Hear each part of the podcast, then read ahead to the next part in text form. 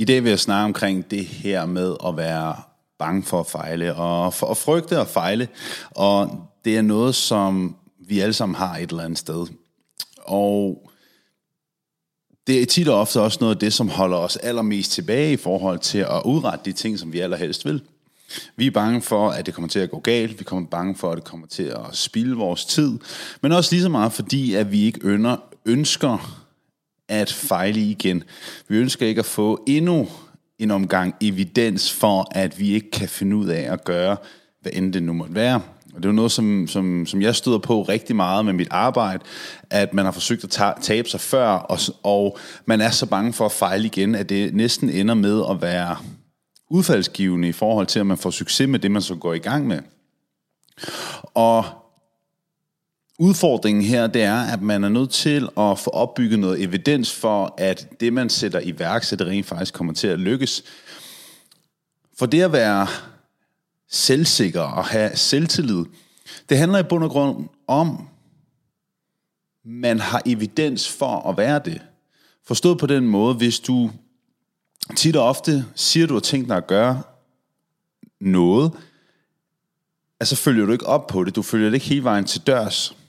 Så du får ikke opbygget en evidens for, at du rent faktisk kan det her. Tværtimod, du får opbygget en evidens for, at når du sætter dig noget for, så lykkes det ikke. Så bliver det ikke en succes. Så det at være, at være selvsikker og tro på, at noget kan lade sig gøre, og, og have håb for, at hvad end man sætter sig for, at det bliver en succes, det er rigtig, rigtig vanskeligt. Og hvis man står i en situation, hvor man ikke har troen på, at det kan lade sig gøre, så allerede der står man med en kæmpe stor forhindring i forhold til at komme videre. Har vi en klient, som har tabt sig rigtig mange gange før og taget det helt på igen, så har vi allerede der en udfordring i, at vi skal have vendt han eller huns, hendes overbevisning om, at det her det rent faktisk kan lade sig gøre. For hvis man allerede inden man går i gang tror, eller at usikkerheden i forhold til, om det her det bliver en succes, frygten for at fejle er langt større, troen på, lad mig sige det sådan, troen på, at at man fejler, den er langt større end troen på, at man sejrer. Allerede der har vi gjort det sværere rent faktisk at gøre det til en succes. For hvis man går ind til et eller andet projekt, et vægttab, et parforhold for den sags skyld, et arbejde, med overbevisningen om, at det her, det kommer nok ikke til at gå så godt, som jeg havde håbet på, så kommer det med ret stor sandsynlighed ikke til at gå, som man havde håbet på. Man skal ikke undervurdere den her med, at man tror, noget kan lade sig gøre. Det hænger en lille smule sammen med placeboeffekt. Under corona, der lavede man en undersøgelse. En testgruppe fik en vaccine, og den anden testgruppe fik ikke en vaccine. Nej, undskyld. Begge testgrupper, det var sådan, det var. Det er altid svært at gengive sådan nogle undersøgelser her. Man havde to testgrupper.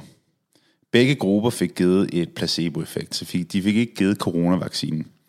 Men den ene gruppe blev de fortalt, at de ville opleve en, en masse forskellige bivirkninger, og den anden gruppe fik at vide, at de ikke ville opleve nogen bivirkninger. Den gruppe, som fik at vide, at de ville opleve bivirkninger, de oplevede langt værre bivirkninger, end den gruppe, der fik at vide, at de ikke fik nogen bivirkninger. Begge grupper fik præcis det samme produkt, som i bund og grund var ingenting. Der var ikke noget i, der ville kunne skabe nogen former for bivirkninger. Det er magten af placebo, det er magten af, hvad hjernen er i stand til at overbevise sig selv om. Den gruppe, der fik at vide, at de ville opleve bivirkninger, der var nogen, der fik hjertebanken.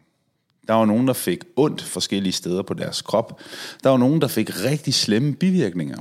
Og det er ikke for at underminere de mennesker, som fik placeboen, og altså som fik at vide, at de ville opleve bivirkninger, fordi det er ren og skær, fordi hjernen og den overbevisning, vi har, den har så stor en magt over for vores krop og vores mindset. Og hvis man får noget, hvis man får at vide, at man kommer til at opleve, man muligvis kommer til at opleve nogle bivirkninger, så er sandsynligheden for, at man kommer til at opleve dem betydeligt større, end hvis man fik at vide, at du ikke fik nogen bivirkninger. Og det samme gør sig gældende, når det drejer sig om et vægttab, når det drejer sig om et parforhold.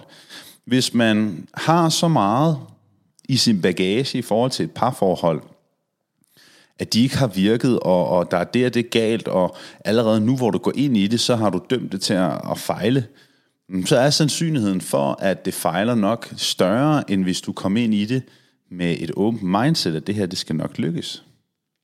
Og det samme gør sig gældende med et vægttab.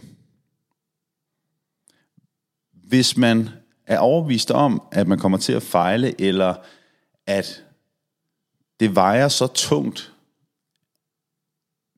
de erfaringer, man har sig om at fejle, jamen så øges risikoen for at fejle bestemt også. Hvorimod er du overbevist om, at det her det bliver en succes, så bliver det med stor sandsynlighed nok også en succes. Og lige i mit erhverv, så gør det sig gældende i forhold til, at der er også en årsag til, at jeg blandt andet ligger så meget med mig op. At det hele ikke bare handler om kost og træning, men det også handler om mig. Og der er en årsag til, at de mennesker, som ender med at starte et forløb, som har fulgt mig allerlængst, som ser mine videoer, som ser, læser det, jeg lægger op, som lytter med til min podcast, at det tit og ofte, ofte også dem, der får de bedste resultater. Det er fordi, at de har fået en overbevisning om, at Jakob han kan hjælpe. Det, som Jakob han gør, det er noget, der virker. Hvorimod, hvis du kommer ind fra gaden, hvis jeg har en person, der skriver sig op via en annonce, de ser på Google, de har aldrig hørt om Borg Fitness før, så er det allerede der en smule sværere for dem at få succes, og selvom man ikke ved det. Selvom de ikke er opmærksomme på det. Men det er fordi, at hvis man starter et forløb og ved noget om mig, og ved noget om tilgangen, mig som et menneske, hvordan vi arbejder, så er der blevet opbygget en tro på, at det kan lade sig gøre. Og den tro i sig selv gør rigtig meget. Jeg kan godt lide den sammenligning, der er med, at hvis du fik Benny Bumstærk nede i lokale fitnesscenter til at lægge dit træningsprogram, kontra Arnold Schwarzenegger, Mr. Terminator, Predator, til at lægge dit træningsprogram, selvom de her to programmer var identiske, så vil jeg våge at påstå, at du vil være mere committed, du ville nok opleve bedre resultater, hvis det var Arnold, der lavede programmet, selvom de her to programmer var identiske. Det er uden tvivl min idé om det her.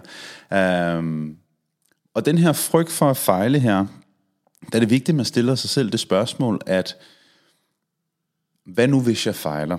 Det, det spørger man sig selv om, især hvis man skal til at starte et forløb, men også bare lige så meget, hvis man skal til at starte en hver anden ting. Et parforhold er et, et glimrende eksempel. Hvad nu hvis det her det ikke kommer til at lykkes? Og der er man nødt til at forvente, hvad skal man sige, spørgsmål til, at det hedder i stedet for, hvad nu hvis det her det bliver det bedste, jeg nogensinde har gjort? Hvad nu hvis det her vægttab det lykkes? Hvad nu hvis det her parforhold, den her relation med det her menneske her, rent faktisk bliver det bedste, jeg nogensinde har gjort?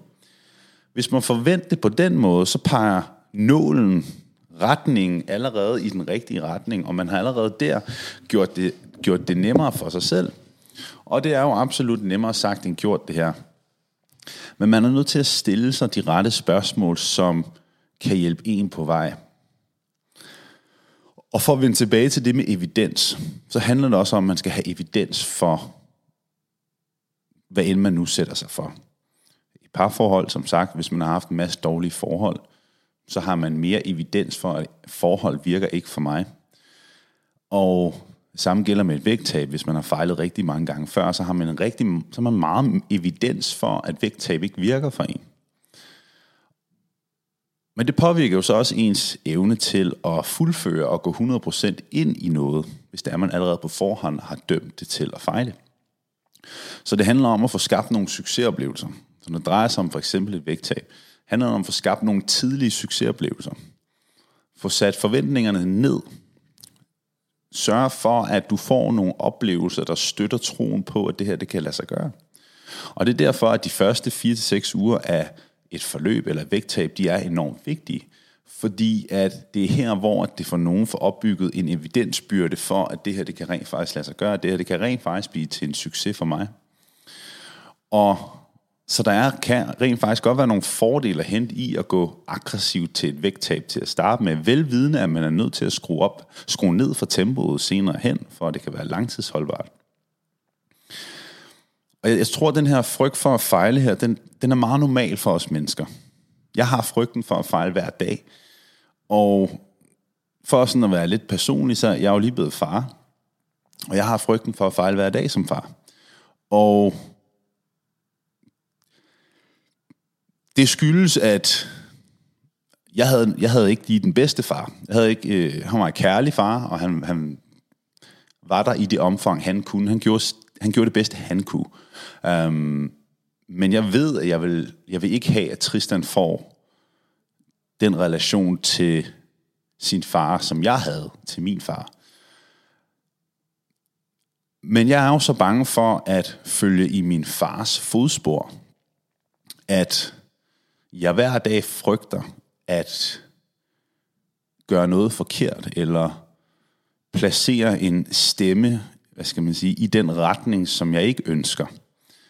Og det er jo også fordi i mig, der er den her imprintet med, at vi følger i vores forældres fodspor.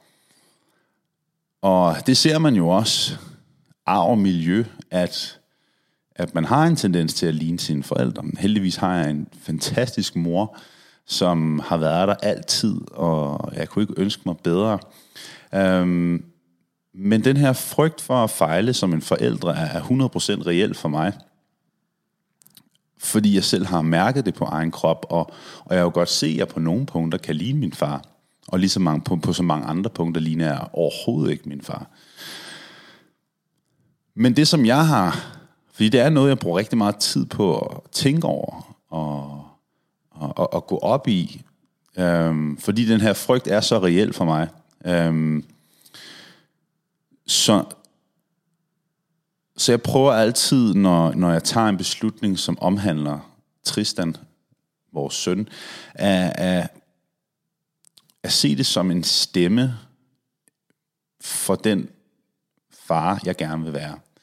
At, at se det for ved det her gavne den retning, som jeg gerne vil på som en forældre, den far, jeg gerne vil være? Eller vil det få mig en retning af den type forældre, jeg ikke har lyst til at være? Og jeg tror, man er nødt til at tænke sådan i alt, hvad man gør, hvor man er bange for at fejle. Det er, at i stedet for at, at male fanden på væggen og allerede på forhånd sige, at jeg kommer til at føde, øh, gå i min fars fodspor. Og jeg beklager, hvis det er, lidt, det er, hvis jeg mumler lidt. Det er, det, det er lidt svært for mig at snakke om. Øhm, man er nødt til at, at, at placere nogle stemmer for den, man gerne vil være. Og for eksempel, ligesom den med et vægttab, at, at man på forhånd ikke har dømt det ude. Fordi, hvorfor skulle det ikke kunne blive positivt anderledes den her gang? Hvorfor skulle det ikke kunne blive rigtig, rigtig godt den her gang. Så jeg kan godt lide, også i forhold til vægttab, at tænke i, i én beslutning ad gangen, og lad være med at male fanden på væggen. Og nødvendigvis, selvom man ikke, jeg ikke gør det, som jeg havde håbet på i visse situationer, men så stadigvæk tænke i retning af, men det kan godt være, at den situation håndterede jeg måske ikke på den bedste måde, men, men jeg er nu endnu en gang et menneske, og det skal ikke holde mig fra at stadigvæk blive den bedste udgave af, af mig selv, og den bedst tænkelige far, jeg overhovedet kan være. Og ligesom med vægttab, falder man i eller træffer en dårlig beslutning, er det ikke ens betydende med, at du har fejlet. Den dag, du rent faktisk har fejlet, er den dag, du kapitulerer. Man siger i kampsport, at du kan blive slået til en kamp. Du kan få tæsk, du kan ligge ned, du må kaste håndklædet i ringen.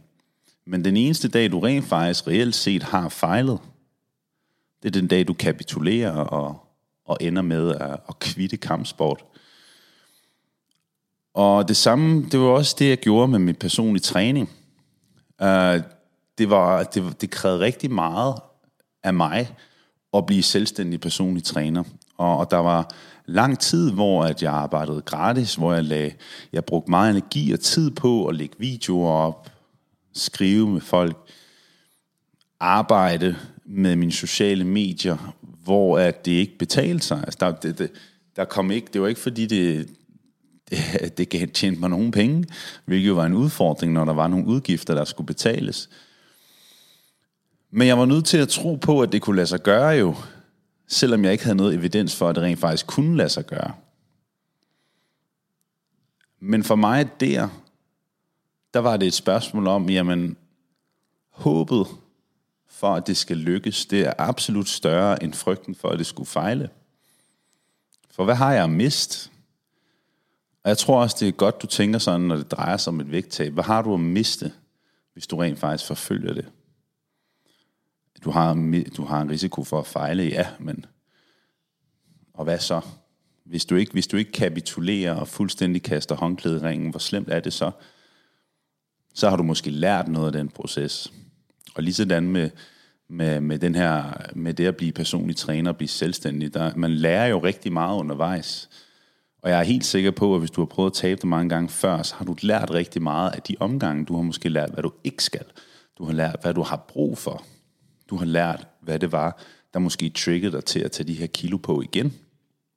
Og hvis man tænker i den retning, at man altid kan lære noget af de fejltrin og de fejltagelser, man begår, så kan man nå rigtig, rigtig langt. Og præcis det samme gør sig gældende som en forælder. Man kan ikke forvente at blive, at man gør alting perfekt, men man kan forvente sig selv, at man skal tage ved lære af de erfaringer, man gør sig, af de fejltrin, man potentielt også kommer til at begå. Vi er kun mennesker, og det bedste vi kan gøre, det er at lære af vores oplevelser, og altid forsøge at lægge en stemme i den retning, vi rigtig gerne vil. Så fortvivl ikke, hvis det er, at du ikke tror på, at det kan lade sig gøre. Hvis det er, at du tvivler på dig selv i forhold til at nå derhen, hvor du gerne vil. Du er kun et, et skridt fra at være back on track.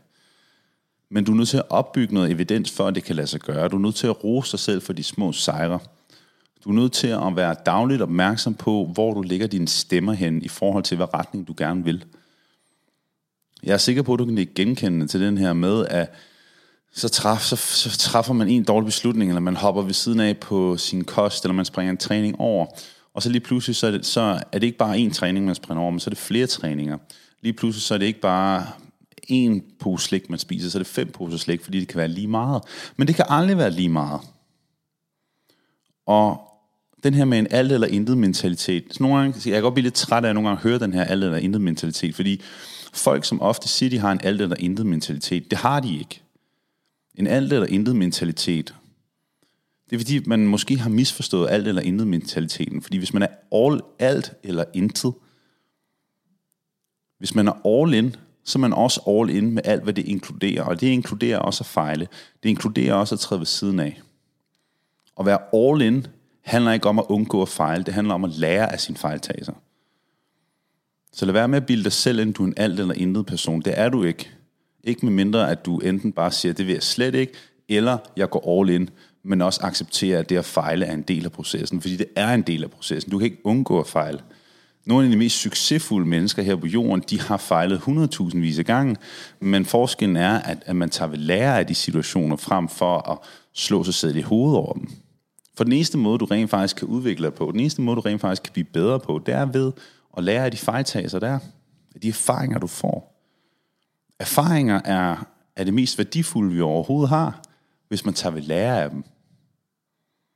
Og det er det, som jeg gerne vil have med til dig for den her podcast her. Accepter det at fejle er en normal del af det. Alt det der intet mentalitet og noget bullshit. For man kan godt gå all in og stadigvæk fejle. Og bare fordi du fejler, er ikke ens betydende med, at du er besejret, er ikke ens betydende med, at du må kapitulere. Accepter det tager tid. Placer nogle stemmer i den person, du gerne vil være. Og anse den ændring, som du gerne vil sætte i værks, ikke bare som noget, du gør, men som noget, der skal blive en del af din identitet og den person, du er. Hvis du siger til dig selv, jeg vil gerne løbe mere, kontra at sige til dig selv, jeg vil gerne være en løber. Og sige til dig selv, jeg vil gerne være en løber, er betydeligt mere magtfuldt. For så bliver du en løber, så opfører du dig som en løber. Jeg vil gerne træne klienter en til en, kost, træning. Eller jeg vil gerne være personlig træner. De her ting gør en forskel. Så når du også er i gang med et vægttab, gerne vil i gang med vægttab, fortæl dig selv i stedet for, at jeg vil gerne være en person med energi, overskud, have det godt i min krop, frem for at jeg vil gerne tabe 10 kilo. For lige, lige der har du en meget mere magtfuld årsag til, at du gerne vil i gang, til du burde fortsætte. For du er nødt til at forme din identitet igennem de ændringer, som du rigtig gerne vil skabe. Det her det er for life, og det betyder ikke, at du skal være en fitnessnørd eller sundhedsguru, men det betyder, at du, skal, du er nødt til, at, hvis du har brug for at smide 10-20 kilo eller ændre din krop, så er der visse dele af din identitet og din livsstil, der er nødt til at blive skubbet til side eller droslet ned til fordel for noget andet. Vi kan ikke få det hele på en gang. Vi er nødt til at vælge lidt, hvor vi måtte. Hvor, I forhold til, hvad der er vigtigst for en. Og for mig, for at vende tilbage til det, er det enormt vigtigt at blive en god far. Og det betyder også, at der må være ting, jeg må ofre til tider, for at sætte en stemme det rigtige sted, for at blive den far, jeg rigtig gerne vil være. Ting, som jeg måske også vægter enormt højt, men der er noget, der er vigtigst endnu højere. Vi kan ikke få det hele på en gang. Vi må vælge det, som er allervigtigst for os, det giver os allermest livsglæde. Ikke lige nu og her, men i det lange løb. Det var alt herfra. Like gerne, eller del gerne den her, at du lyttede med på podcasten på Instagram eller på Facebook, hvis der du nød den. Det var en kort en. Næste afsnit kommer til at handle omkring, hvordan du sætter godt gang i et vægttab eller en sundere livsstil, helt konkret og meget specificeret. Tak fordi du lyttede med.